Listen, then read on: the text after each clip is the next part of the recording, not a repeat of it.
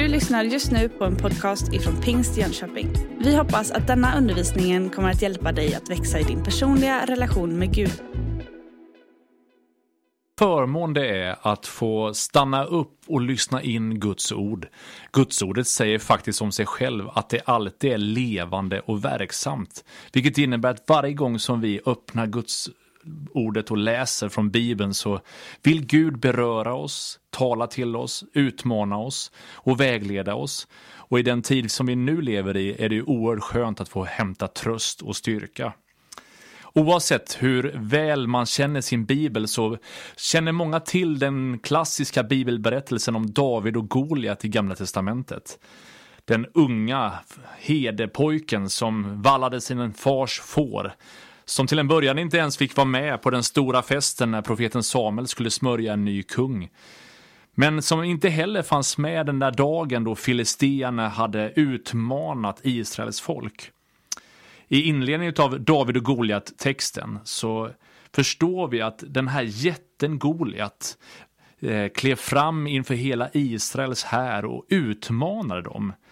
Och sa att eh, i första Samuelsboken kapitel 17 att jag har idag hånat Israels här. Ge mig en man så att vi får slåss. När Saul och hela Israel hörde vad Filisten sa blev de förfärade och skräckslagna. Lite senare så läser vi att Filisten kom fram både morgon och kväll. I 40 dagar steg han fram och ställde sig där. David och Goliat var ju en text med personligheter i Gamla Testamentet för länge sedan. Men den där Goliat-rösten gör sig påmind 2020 lika fullt.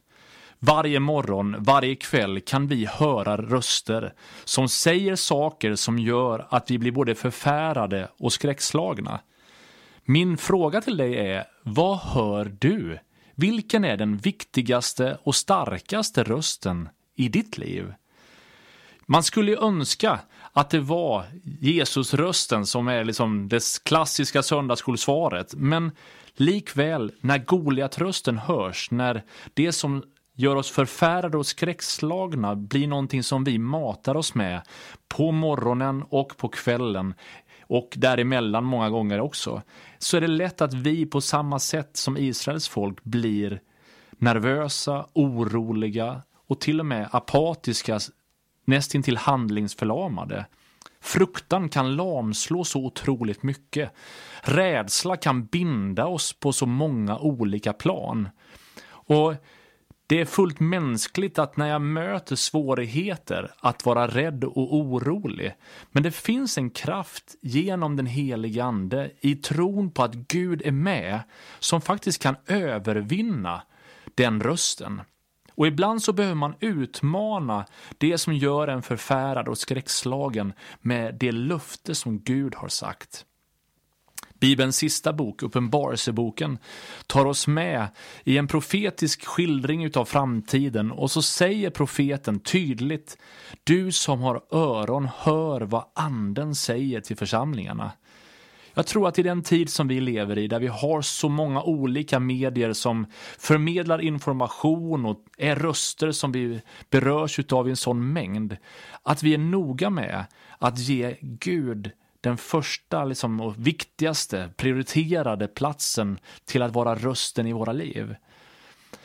För mig så är det en otrolig skatt att på morgonen innan de andra har vaknat i familjen, att låta liksom Guds ordet få beröra mig innan alla andra röster talar.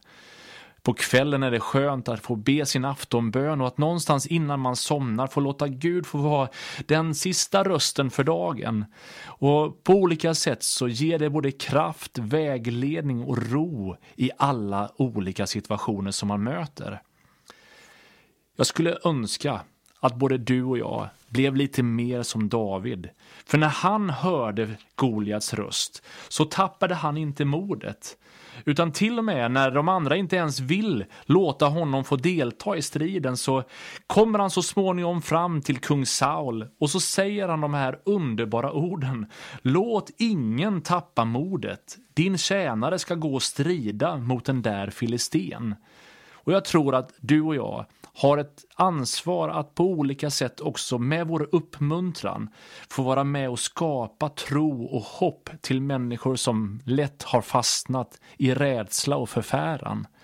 Tänk vad ett sms, en blomma, en, eh, ett telefonsamtal, ett leende faktiskt kan skingra många oroliga tankar. Att bara känna att det är någon som ser, någon som vet, någon som bryr sig berör så otroligt mycket. Och du som lyssnar på den här andakten, jag skulle vilja uppmuntra dig att vara en ambassadör av hopp i den här tiden. Det är så många negativa röster. Vi matas med så många svåra frågor och så många svåra konsekvenser.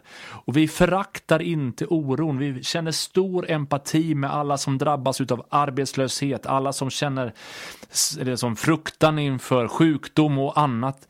Men likväl så vill vi tala ut att det finns ett hopp i Gud som mitt i stormen faktiskt kan ge frid. En väldigt härlig bibeltext med Jesus i båten så möter vi lärjungarna när vinden stormar och vågorna går höga och de är alldeles nervösa och tänker Gud, vart har du tagit vägen? Hur kan du sova här i båten? Och så stillar Jesus så småningom deras hjärtan genom att säga men var lugna, jag är med. Och så går han fram och låter vinden faktiskt få bli tyst och vågorna få bli stilla.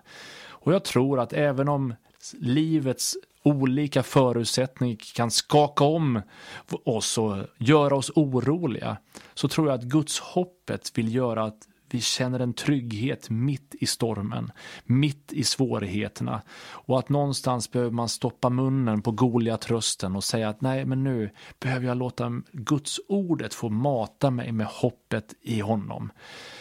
Så min stora fråga är, vad lyssnar du till? Och Tack för att du söker dig till Gud. För när du hämtar honom och hans röst så får du all den vägledning som du behöver. Du har just lyssnat på en podcast ifrån Pingst Jönköping. För att få reda på mer om vilka vi är och vad som händer i vår kyrka så kan du gå in på pingstjonkoping.se eller följa oss på sociala medier via pingstjkpg.